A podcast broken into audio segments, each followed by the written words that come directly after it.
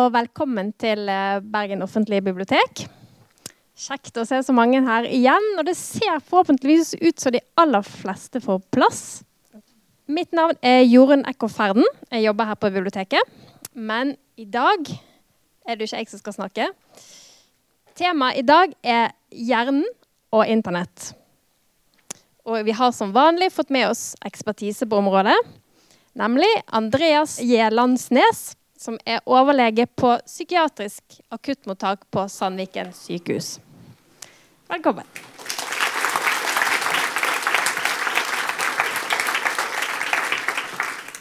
Ja, det er kjekt å se det var så mange som har kommet, og spesielt det var så mange unge mennesker som har kommet. Eh, jeg prøvde å invitere mine sønner med her, men de sa nei, vi vet hva du syns om Internett. Så det er ikke nødvendig å være med. Men eh, da skal jeg fortelle litt om hva vi faktisk vet om Internett, og hvordan det påvirker oss. Og jeg tenkte først å gå gjennom litt historie, og så hva man faktisk vet og ikke vet om hvordan Internettet påvirker oss. Jeg regner med at den framstillingen jeg har, vil ta en halv time til tre kvarter. Og så åpner vi opp for eh, diskusjon, dialog, etter det. med Spørsmål fra salen og diskusjon omkring dette. Så alt etter hvor fort eller seint jeg snakker, så blir det kvarter til en halv time til dialog. Ja. Det vi egentlig skal se, er hvordan påvirker den nye teknologien hjernens evne til å håndtere informasjon. Det er egentlig det som er clouet her. At eh, hjernen vår har info, behandla informasjon på forskjellige måter opp gjennom tidene. Og påvirker Internett egentlig vår måte å behandle informasjon på. Eller egentlig så er spørsmålet på hvilken måte påvirker Internettet vår måte å håndtere informasjon. Men først tar vi litt historie. Vi har, de siste 200 000 årene så har det vært språk som har vært det dominerende. Vi har snakket til hverandre i 200 000 år. Fortalt historier til hverandre over leirbålet og hatt dialoger og samtaler med hverandre. Det er måten vi har kommunisert på i 200 000 år. Og dette med å skrive noe, det begynte egentlig 3000-4000 år før vår tidsregning. Men da var det jo ofte eh, symboler man brukte, hieroglyfer og sånn, så man kunne ikke riktig bruke det til å kommunisere noe særlig. Man hadde også Før dette, for en 40 000 år siden, så begynte jo folk å tegne på veggene i huler. og sånt. Det er noen måte å kommunisere på. Først her, for i rundt 1500-tallet, begynte vi å trykke bokstaver. Og så har det gått veldig fort siden.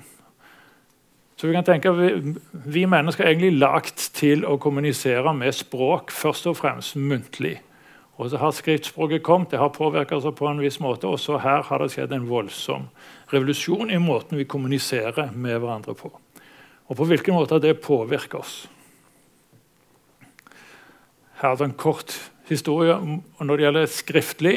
Her har vi sånn eh, tidligste vi vet om, er jo disse her eh, hulemaleriene fra 10 000-15 000 år siden. De er vel kan det endre eldre enn det. Og her har vi sånn tidlig skrift som egentlig er symboler.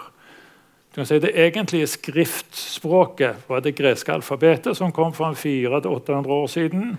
Og det så sånt ut. Disse bokstavene kjenner vi jo stort sett igjen. Og det som var nytt med det greske alfabetet, som skilte det fra alle de andre tingene, er at hver enkel symbol her Eh, representerer en, en vokal eller konsonant. Eh, altså måten vi snakker på. Det ligger veldig tett opp til hvordan vi snakker. Og Det er jo dette som egentlig er det mest brukte skriftspråket. Min helt, Sokrates, han levde rundt 400 for vår tidsregning. Han mente at det var en dårlig idé å skrive.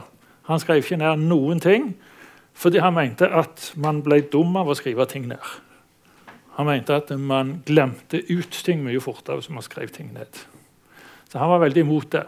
Så Hvis det ikke var fordi han hadde en elev som heter Platon, som skrev ned alt som Sokrates sa, så hadde vi ikke visst noen ting om han i dag. Så På en måte hadde han rett, og på en annen måte tok han feil. men det kommer vi tilbake igjen til. Han er fortsatt min helt, så han har ikke falt helt ut. Det han jo var først og fremst interessert i, Sokrates, var jo dialog. Og Det er en samtale hvor målet er å forstå den andre. Jeg tenker Det er viktig å forklare det i dag, for i dag så har dialogene veldig trange kår. Det er, ikke, det er, ikke, det man ser på internettet, det er ikke dialoger man ser på internettet, hvor man utveksler eh, meninger for å forstå den andre. Det er kanskje det motsatte vi ser. Og Sokrates mente altså at å skrive svekker hukommelsen.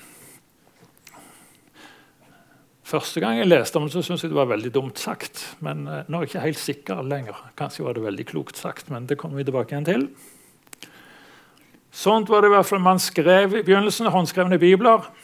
Og det som var fascinerende med De var at de brydde seg ikke om punktum, komma, stor bokstav, liten bokstav eller avstand mellom ordene. De skrev alt i ett. Det har jeg prøvd å praktisere i korte perioder, men folk syns det er vanskelig å lese. Det er det er sånn kontinuerlig skrift som man skrev i begynnelsen. De håndskrevne biblene var sånt. Og så har vi Benedikt. Han innførte noe annet forferdelig, syns jeg. Og det var tid. Før så sto man opp når det var lyst, og så la man seg når det var mørkt, og så fikk man gjort det man fikk gjort i løpet av dagen. og ferdig med det. Men Benedikt han, munk, eh, han, var munk og drev et kloster. og Da skulle man be, og man skulle ha messe og man skulle gjøre alt mulig rart. Da måtte man følge tiden. De begynte med solur, og så ble det mer og mer tid. Så Benedikt han innførte tiden. Hvorfor han ble helgen, det forstår ikke jeg, men eh, sånn ble det. Og Så vi, går vi fort fram til Johan Gutenberg, som oppfant boktrykkerkunsten med disse herne Eh, pressen, hvor han så kunne produsere store mengder bøker. Han var, han var oppfinnsom, men han var ikke noen god forretningsmann. så han, han døde fattig og han tjente ingen penger på dette. Det var andre som var lurere som tjente penger på det. Men i hvert fall da begynte man å masseprodusere bibler. Og her kan vi se, her har vi fått en avstand mellom ordene, store små bokstaver og punktum. og. Det kom på 1400-1500-tallet. Og Det var jo forskjellige bøker som kom ut. Bibelen var det vanligste. Her har vi en bok som jo gjorde litt mer inntrykk på folk, og det var 'Artenes opprinnelse' av Darwin. Som kom ut i 1859, men den skal ikke vi gå nærmere inn på her. Og så er det noe med moderne, altså nye teknologier som påvirker vår måte å tenke på. Kart, for eksempel, vi tenker ikke så mye på det, men kart gjorde at folk kunne forestille seg hvor de kunne bevege seg i terrenget, hvor de kunne reise og sånt. Eh, vi har sett et moderne utgave av dette her med drosjesjåfører i England som må lære seg kartet over London ganske eh, nøye. De får jo Deler av hjernen deres vokser, spesielt deler av en struktur i hjernen som heter hippocampus. Så det er veldig tydelig at det, ny teknologi, nye måter å kommunisere på, påvirker hjernen direkte. Så skrift og tidsregning og kart kan påvirke vår evne til å tenke. Og så var det I 1964 var det en amerikansk eh, samfunnsforsker Marshall McLuhan, som sa at det utga en bok som heter eh, 'Understanding Media The Extension of Man', hvor han sa «The medium is the message'. Det betyr egentlig at nye medier endrer på en måte hvordan budskapet blir sagt. Hvis noen sier noe til deg muntlig, så er det forskjellig fra om de eh, sier det til deg på en e-post, eller via fjernsyn eller via radio. Der har vi han. Og, og For å forstå hva dette betyr, at det mediet er egentlig budskapet er egentlig Når vi innfører en ny måte å behandle informasjon på, så kan dette få konsekvenser måten konsekvenser som vi ikke har tenkt på på forhånd. Altså Muntlig tradisjon kontra skrift. Eh, påvirker det vår måte å tenke på påvirker det vår måte å ta til oss informasjonen. Du kan tenke Med muntlig tradisjon så går det litt fram og tilbake. Du kan stille spørsmål til folk som snakker. Bortsett fra meg akkurat nå, men senere kan dere få det. Så dette er en monolog, ikke en dialog, men vanligvis ved muntlig tradisjon så er det en dialog. I skrift så går det bare én vei. Sosial kontakt direkte da oppfører folk seg på en helt annen måte enn det de gjør for i sosiale medier. I sosiale medier så sier jo folk ting som de aldri hadde sagt til folk direkte. Å lese en bok er en helt annen opplevelse om man konsentrerer seg og tar til seg informasjon på en helt annen måte når du leser en bok, kontra når du surfer på nettet. Det vil de fleste opplevd selv. Og så er det spørsmål Hvorledes blir vi kloke her? Er det nok bare å ha en masse data og informasjon? Nå går jo De fleste av oss går jo rundt med all verdens kunnskap i lommen. En liten telefon inneholder mye mer enn det et sånn stort uh, uh, encyklopedia gjorde før. Så vi har egentlig all verdens informasjon i lommen, men blir vi så mye klokere av det? For at data skal bli klokskap, så må vi på en måte forstå relasjoner mellom de forskjellige dataene. Vi må kjenne til mønstrene og forstå prinsipper i dette her for å bli klok. Jeg har hatt diskusjoner med mine sønner som sier at de behøver ikke å lære ting, fordi de kan bare slå det opp. Blir man klok da? Da har du veldig mye informasjon. Men Du forstår ikke helt noe mønster eller forstår prinsipper, men du kan slå opp all informasjon. Så kanskje er det med på at vi har tilgang til all verdens informasjon i lommen vår. er kanskje ikke med på å gjøre oss så veldig mye lurere. Multitasking er jo noe som kvinner har vært veldig stolte av i alle tider. at De er veldig flinke, de gjør mange ting samtidig. Men uh, det, det, det, blir ikke noe bra. Man må konsentrere seg om én ting om gangen. Grunnen til jeg tar det opp her, er at man ofte gjør dette på nettet. Det er mye multitasking som folk gjør når de er på nettet. Så vi skal se på det sånn at De rike medier, de medier som er mest effektive, så er det egentlig å kommunisere ansikt til ansikt. Og På nummer to så er videokonferanser, spesielt med moderne utstyr. så det er akkurat som om de sitter ved siden av. Jeg har vært med på videokonferanse hvor vi har nesten en hel vegg som er fjernsyn. hvor vi setter bordet vårt inntil, så det er noen i Oslo som har bordet inntil. så det er Akkurat som de er i rommet. Det er helt fascinerende. Før, når det var sånn forsinkelse på dette, så virket det veldig tåpelig. Men nå når det går teknikken er så bra, så kan man ha veldig mange sånne møter uten at de er der. Telefon er også greit. Radio og ja, e-poster og sånn er minst effektiv måte å kommunisere på. Så egentlig fortsatt er det mest effektivt å kommunisere med folk direkte. Og så er det spørsmålet hvor mye, bruker, hvor mye tid bruker folk med digitale medier. Dette er amerikanske tall, men det er ingen grunn til å mistenke at de skal være noe mindre i Norge. Kanskje tvert imot. Hvor mange er det her som ikke har en mobiltelefon med seg nå? Rekk opp hånden, de som ikke har med seg en mobiltelefon. Jeg har med mobiltelefonen, jeg har lagt den der borte, for det er veldig flaut hvis den ringer når jeg står her.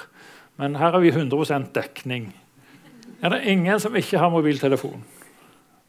Én, to, tre Ja, det var noen, det er ikke mange. Så vi, vi er enda mer, eller har mye større utbredt bruk av mobil enn det de har, hadde der. Så i salen her så er vi oppe på 99,7 da, eller noe sånt. Over 99% som bruker mobiltelefon hver dag. Og dette har jeg økt på. Dette er tall for 2017. Og her, hvis vi ser på fjernsyn Dette er massemedier hver dag fra, i alderen 9 til 79 år, fra 97 til 2012. Og her er vi klar. Den klareste utviklingen her er jo den blå der, som er Internett. Som folk nå Før så var det en 8% som brukte det hver dag, og nå er vi over på 80% Altså en tidobling på eh, Det blir 15 år. Så det har jo skjedd en voldsom utvikling der. Bøker godt fra biblioteket, det har holdt seg. Kanskje gått litt opp. Når det gjelder radio, så er det omtrent det samme. Eh, aviser har jo gått ned. Det har jo bare fortsatt ned her. fordi folk leser jo ikke aviser lenger i den tradisjonelle formen. Nå er det jo på, på nettet vi leser aviser. Så det, mest, det, er jo en revolusjon i vår måte å få informasjon på som har skjedd her. Det er òg en norsk dame, Anne Mangen på Universitetet i Stavanger, som har skrevet en bok om hvordan, hva forskjellen er på å lese en bok i papir, celluloseformat, og å lese en bok eller eh, få samme informasjon på nettet. Og Det er ganske stor forskjell. Og Konklusjonen hennes er at det er veldig mye mer distraksjon hvis du leser det på, på nettet. Det har vel de fleste merkt. Jeg har selvfølgelig også vært mye på nettet, og når jeg skal sette meg ned og lese en bok, sånn gammeldags greie i cellulose, som du åpner opp, og sånn, så er det vanskelig å konsentrere seg. Men eh, jeg var mye flinkere til det før. Jeg har blitt dårligere til å konsentrere meg om å lese bøker. Sånn, helt konsentrert. Det har blitt mye vanskeligere. Og det er nok internettet som har påvirka oss der. Dette er den boken jeg har lest som har eh, inspirert denne eh, presentasjonen mest. Som heter 'What Internet's Doing to Our Brains Is Shallows'. Skrevet av en som heter Nicholas Carr. Den boken har jeg lest både på, i papir og på nettet. Jeg har den i begge utgaver, både cellulose og på nett. Og når jeg prøver å lese den på nettet, så er det sånn at du har hyperkoblinger i boken. Du kan koble til artikler på Wikipedia og alt mulig sånt. Og Da har jeg endt opp med at jeg leser en side, og så er det en hyperkobling som forklarer et eller annet begrep der. Så går jeg inn på Wikipedia, så når jeg leser Wikipedia-artikkelen, så er det en annen kobling til noe annet. Det er langt ute på viddene på veldig kort tid. Så det er mange fordeler med det, men òg klart ulemper. Min opplevelse av nett i hvert fall er at man blir veldig mye distrahert det er kanskje bare jeg som har det sånn, jeg vet ikke hvordan andre har det, men det er lett å bli distrahert når man er på nettet, fordi det er mye koblinger opp til andre ting. Så Man pleier å kalle det for masse distraksjonsvåpen. og Det er Facebook, og YouTube og Twitter og hva nå det heter for noe. Det er der de sender bilder til hverandre. Ja. Og dette er veldig lett å bli distrahert av. Jeg må tilstå jeg har aldri vært på Facebook. Jeg var på Facebook 14 dager, men det var bare feil folk som tok kontakt. Så det slutta jeg med. Ja, er det mange som leser papirbøker på fritiden på en gjennomsnittsdag? Og da har vi menn ligger der. Vi holder 20% av menn. Og kvinner er noe flinkere. Så man leser der holdt seg for altså, utrolig konstant dette med å lese bøker. Det har ikke gått så veldig mye ned som man skulle forvente. Ja, her har vi litt den samme kurven vi så for et par bilder siden. nemlig Denne går fram til 2017. Det er fra 98 til 2017. Det er altså over en 20-årsperiode. Hvor her internettbruken i 98 det var nesten ingenting. Og så har det økt opp her til at 90% bruker Internett. Det er en voldsom utvikling. De fleste hadde vel ikke e-postadresse her engang. Jeg tror jeg fikk min første e-post i 97. Og e-postadressen min var Andreas. Så det var, det var, ikke så mange som hadde e-post den gangen. Det holdt med fornavn. Og så her, Hvor mange er det som leser trykte aviser? Er den grønne. Det har gått kraftig ned. Det er nesten halvering der. Og elektroniske bøker ligger veldig lavt der. Så der ser det ut som om jeg er en foregangsmann siden jeg leser elektroniske bøker. Selv om jeg blir veldig distrahert av det, så er det på vei opp. Og TV der. Og så er det nettaviser. Det har òg økt i takt med at det vanlige aviser, det grønne, har gått ned. Så vi har endra vår måte å uh, få informasjon på ganske radikalt. Her er Jeff Bezos som sier at boken er ikke død, den er bare blitt digital. Men det er ikke det samme med digitale bøker som med de gammeldagse bøkene. Her har vi Hjerneskanning av folk og Internett har det ikke kommet så veldig mye ut av. Men her har vi noe som har kommet ut av. Her har vi en som ikke bruker Internett så mye. Han leser en bok, og da ser gjerne han sånt ut. Og her har du en som har eh, vært mye på Internett, som også leser en bok. og Hans hjerne ser sånt ut. og Forskjellen mellom de at det ser ut som han har mer aktivitet i hjernen sin enn han der har. Hva betyr det? Er det bra å ha mest mulig aktivitet i hjernen, eller skal man ikke ha så mye? Det vet du ikke så mye om, men vi regner med at hvis du skal være konsentrert, så er det ikke nødvendig å bruke så store deler av hjernen. Her er en som er ikke er vant til å bruke nettet så mye, som er på nett. Han har veldig få områder som er lyst opp. Og Her er en som har vært mye på Internett, og han er på nettet der. og Da er det voldsom forskjell. Her har du en som ikke er så mye på nettet. Det kan være meg, kanskje. Og her har du en av mine Ja, Min yngste sønn han er mye på nettet, så det er kanskje han der. Det er stor forskjell. Veldig mye aktivisering av hjernen. Og er det bra? Vanligvis tenker man at Hvis du gjør en konsentrert oppgave, og konsentrerer deg veldig, så blir ikke så store deler av hjernen blir aktivisert. Sånn at man regner med at Sannsynligvis er dette et uttrykk for distraksjon. at de er vant til å bli distrahert.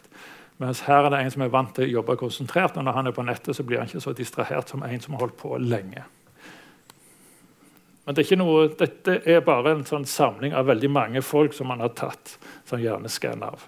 Og ser et helt klart mønster at de har mye mer aktivitet i store deler av hjernen, de som har surfa mye.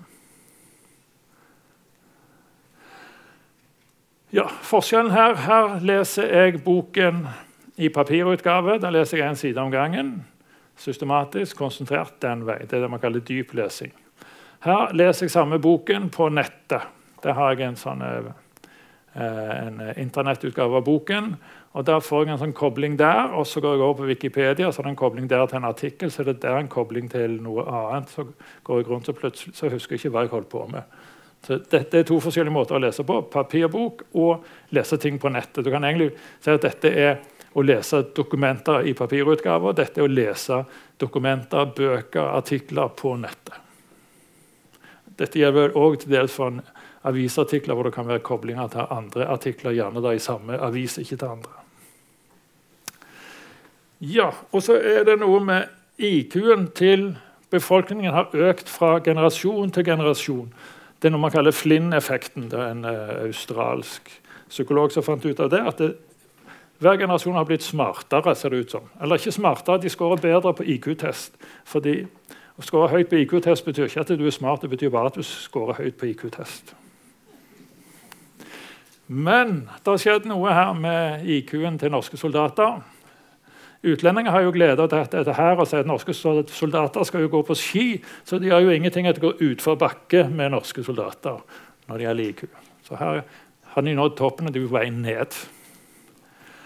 Hvis jeg skulle gjøre det litt mer vitenskapelig, så ser kurven sånt ut. Her vi sesjonsår fra 1954. Jeg, si, jeg var født i 55, så jeg skårer jo veldig dårlig her. Alle ungdommer nå er mye smartere enn meg, men OK. Eh, de har tatt utgangspunkt i 1954, at IQ-en der var 100. Og så har den steget opp her, og så har den begynt å gå ned igjen. Så toppåret var her 93-94, og så har det gått ned igjen. Med IQ-en på norske rekrutter. Nå skal vi ikke ta IQ-en som så veldig alvorlig, men det sier noen ting om eh, hvorledes hjernen fungerer. Det forteller nesten ingenting av det som er aller viktigst av alt, nemlig eh, emosjonell intelligens. Altså hvor smart du er til sosiale relasjoner og sånt. Det er kanskje enda viktigere for hvorledes det går deg i livet. Men i hvert fall sånt har det gått med norske soldater. At, oi, at de nådde toppen der, og så har det gått ned. Dette er såpass mange man har undersøkt, det samme instrumentet man har brukt herfra hele veien. Så det er ganske sikre tall, dette her. Og hva er det som har skjedd? Altså, IQ-en består jo av mange forskjellige ting. Her har de delt det opp i hvorledes det har gått i samme periode når det gjelder regneferdigheter. Det har gått litt dårlig. Det er kanskje ikke nødvendig å regne i hodet lenger, fordi nå har du sånne små greier i lommen eller telefon, eller noe sånt, så nå behøver vi ikke å trene oss på å regne noe som helst.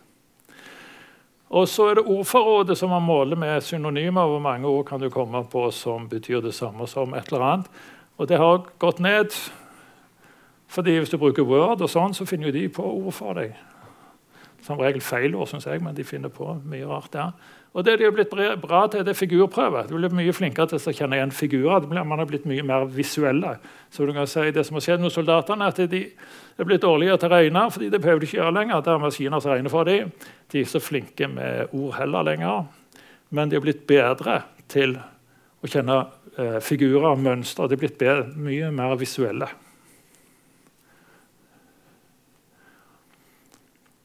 Ja, så skal vi over til noe litt annet. Er det noen som vet hva det er for noe? Ti opphøyd i 100. Ingen som vet hva ti, ja, hva er ti opphøyd i 100? Ja, men Det er et navn på det. Det har et eget navn. Ja. ja. Ja, det var ganske nær. Det er det man kaller for en Google. Uh, det er noen folk som er mye smartere enn oss, som kan sånn noe. Og disse her folkene som er mye smartere enn oss, de driver på å lage dataprogrammer, uh, de lager algoritmer, og de lager noe som heter Google. Dette er folk som uh, er fryktelig flinke i matematikk, og de er fryktelig flinke i å lage dataprogrammer og lage ting som de kan få penger for. De har tjent enormt med penger. Og De sier at det de skal gjøre, det Google skal gjøre, det er å gjøre all informasjon tilgjengelig for, for de som har bruk for informasjonen. Så det er det Google gjør. Eh, de samler inn informasjon og eh, prøver å systematisere den. Og sånt. Og Google er jo helt geniale når det gjelder eh, søkemotorer og sånt, men samtidig så kartlegger de oss. Hvilke vaner vi har, hva vi handler, hva vi bruker pengene våre på, hva vi søker på nettet. og alt sånt. Så de, det går begge veier. De kartlegger oss og, og, gir informasjon om oss til selskaper. De kan selge det til selskaper, pluss til annonser. Det er annonser de tjener pengene sine på. Og Informasjon er ikke noe som vi bare tar inn i hjernen vår sånt, helt passivt. Det er noe som foregår i hver enkel nervecelle vi har i eh, hjernen. Og vi har ikke mindre enn 100 milliarder av de. Hvor korttidshukommelsen er at vi får kjemiske stoffer her, og at langtidshukommelsen er nydannelse av forbindelser mellom nerveceller. Så egentlig når vi skal huske ting, så må vi først ha oppmerksomhet. Så må vi lagre det i korttidshukommelsen. Og så må vi få det over i langtidshukommelsen, altså lagre det. Og så må vi finne det tilbake igjen. Så Dette er avhengig av at vi er oppmerksomme, at vi lagrer det vi får med oss, og at vi kan finne det igjen. Eh, de mest oppmerksomme av dere får med dere sånn mellom 5 og 10% av det jeg sier her. Det er de, som, de, de, av dere som er mest oppmerksomme og lagrer mest. Og Det holder kanskje det at dere får med dere 5-10% ja, og Sokrates han mente jo helt klart at det å skrive det ned svekker hukommelsen. Og Hvordan er det da med nettet? Gjør det noe med vår hukommelse? Her snakker jeg med et dataprogram som heter Elisa. Det var her forleden dag. Da tok jeg kontakt med Elisa og sa hallo, jeg er psykiater. Så spurte hun om det er normalt å være psykiater. Og så sa jeg nei, det er kanskje ikke det. Men fortell meg mer. Ja, jeg skal lage en presentasjon om hjernen og Internett. Og Da svarte Elisa at kom du til meg fordi du forberedte en presentasjon på hjernen og Internett? Ja da, ja, jeg ville ha et eksempel på en samtale mellom en, eh, et eh, computerprogram og et menneske. Og jeg forstår. Hva er det du forstår? Og så forsto hun ikke allikevel. Men dette virker jo som en god samtale mellom to mennesker. Men dette er, Elisa er et uh, dataprogram som ble lagd på 60-tallet. Den er veldig primitivt og veldig enkelt. Men eh, man kan jo nesten få inntrykk av at man snakker med et menneske. Når det ble gitt ut en gang på 60-tallet, var det veldig mange som snakket til Elisa. Og Elisa var egentlig lagd som en uh, psykoterapeut som kunne gi folk gode svar hvis de bare stilte rett spørsmål. Han måtte jo stille for vanskelige spørsmål.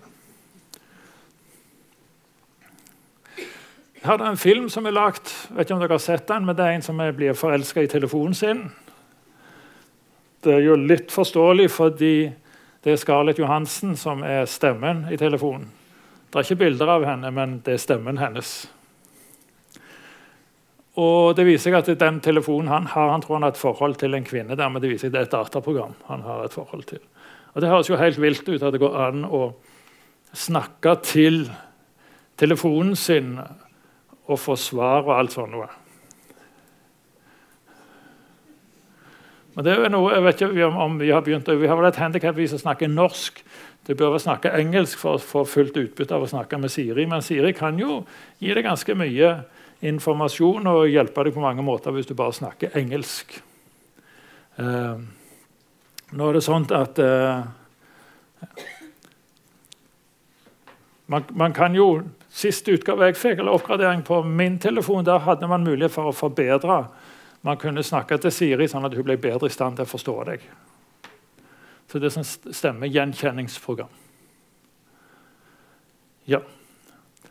Så da er vi tilbake igjen til spørsmålet vi begynte med. Hvordan påvirker den nye teknologien hjernens evne til å håndtere informasjon?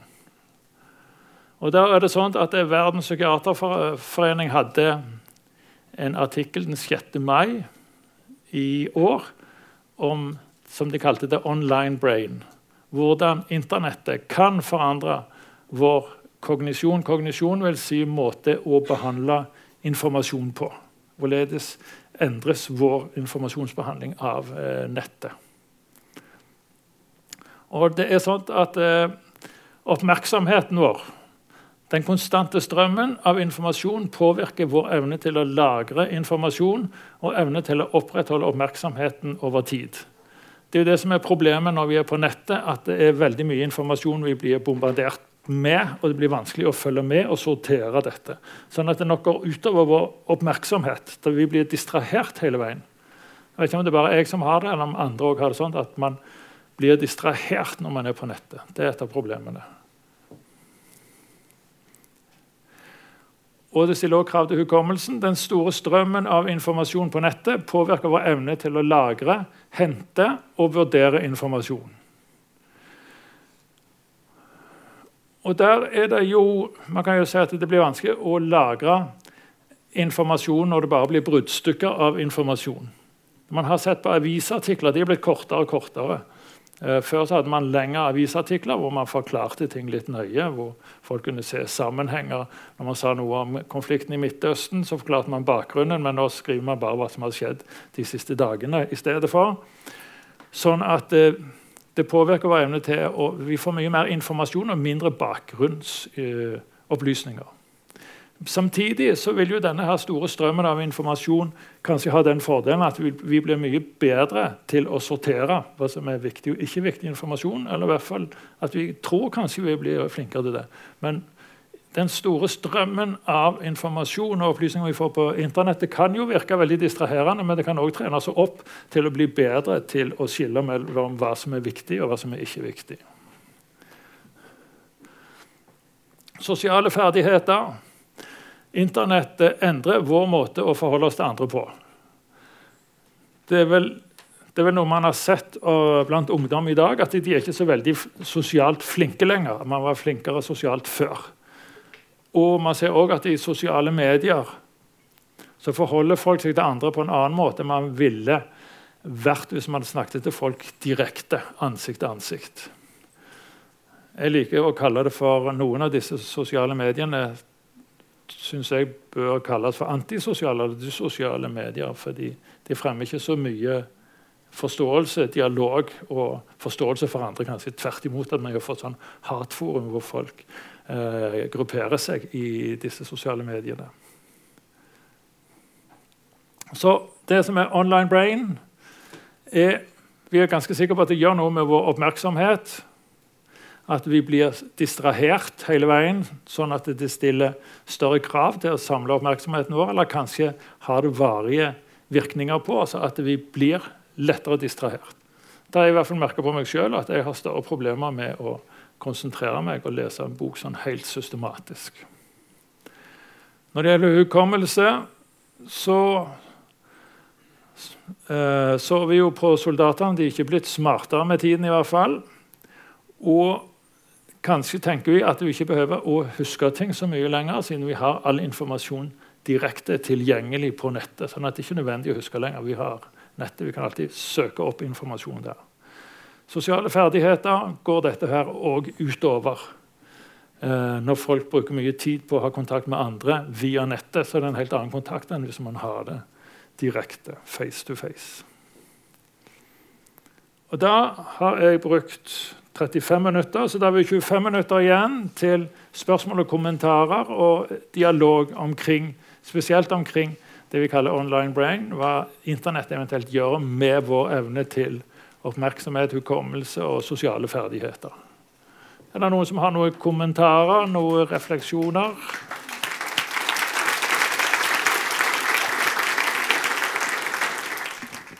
Nei, jeg bare lurer på om det er gjort noen undersøkelser i forhold til barn. For de små barn holder jo på nå med mobil, og ja, de er jo på nettet omtrent hele tiden.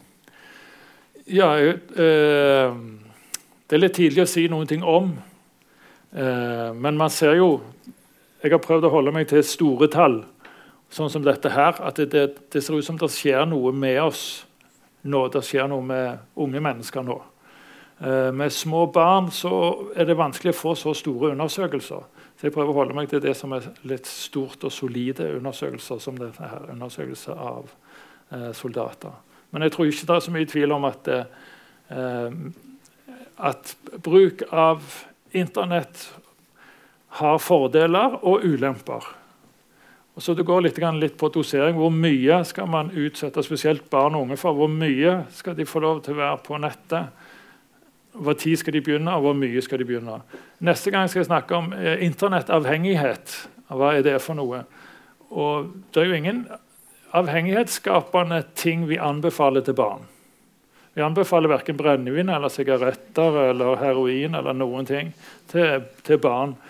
Ikke engang i moderate doser. Sånn det, og Internettet har en viss evne til avhengighetsskaping. Men kanskje vi kan sammenligne Internettet med sukkertøy. Det virker òg avhengighetsskapende på noen. Men jeg tror nok det, det er ikke spørsmål om enten eller, det er spørsmål om dosering. tror jeg. Hvor tidlig skal man begynne, og hvor mye skal de? Fordi jeg tror ikke at man, man kan ikke si at, skal, at, at, unge mennesker ikke skal være på nettet med det spørsmål eh, dosering hva tid de skal begynne med det. Og Vi har ikke noe klart svar på det ennå. Hva tror du er best case og worst case scenario på hvordan hjernen utvikler seg blant folk flest i Vesten i løpet av de neste 100 årene?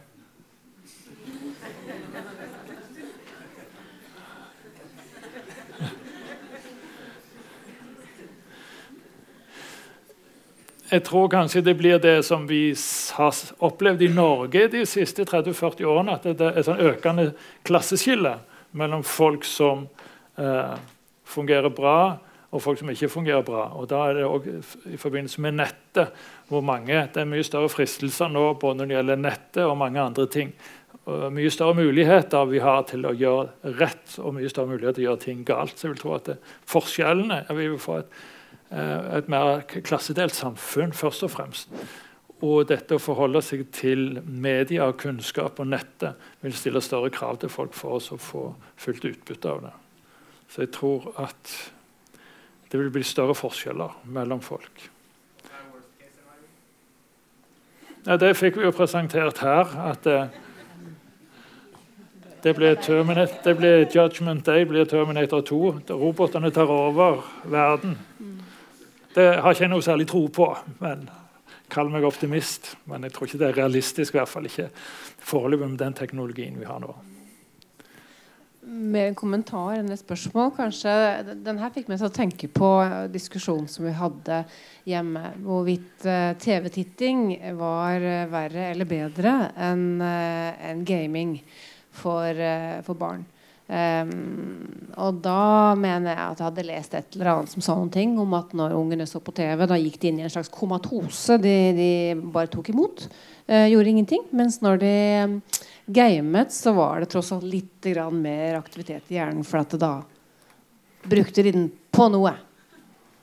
Så kanskje er dette her sånn uttrykk for velstandsutviklingen i Norge etter at vi fant olje på norsk sokkel. At man begynte å få TV i det norske hjem, og så begynte man å se film. Og så ble man i det hele tatt mer og mer mindre flink til å bruke hodet selv. Ja, Denne kraven passer jo mye bedre med oljefunn i Nordsjøen enn med Internett. fordi det var jo her jeg reiste ut i Nordsjøen i 73 første gang. Det var jo her. Det var gått utfor bakke med regneferdighetene før det. men Pengene begynte jo å strømme inn før her omkring på 70-tallet. Så det er kanskje bedre. Eh, man har jo tatt elektroder på hodet folk når de ser på fjernsyn. Og da går folk nokså over ikke direkte i koma, men i noe som ligner mer på søvn enn å være våken. Og gaming kan jo være veldig eh, aktiviserende. Jeg har i hvert fall en sønn som har vært veldig hekta på gaming. Og ja, Han ropte og skrek veldig mye, og så lærte han seg engelsk i løpet av et år. Så Det var veldig aktiviserende på mange måter, men det var kanskje litt for ensidig fokus. Jeg tror det er litt med nettet som det er med kosthold. Det bør være sånn noenlunde variert og ikke for mye. Det beste kostrådet er jo å spise variert og ikke for mye. Jeg tror Det samme kostrådet bør gjelde for nettet. Vær variert og ikke for mye. Ja, Neste gang så blir det går det an å bli avhengig av internettet. Det blir første mandagen i desember. Ja, Tusen takk. oppmerksomheten.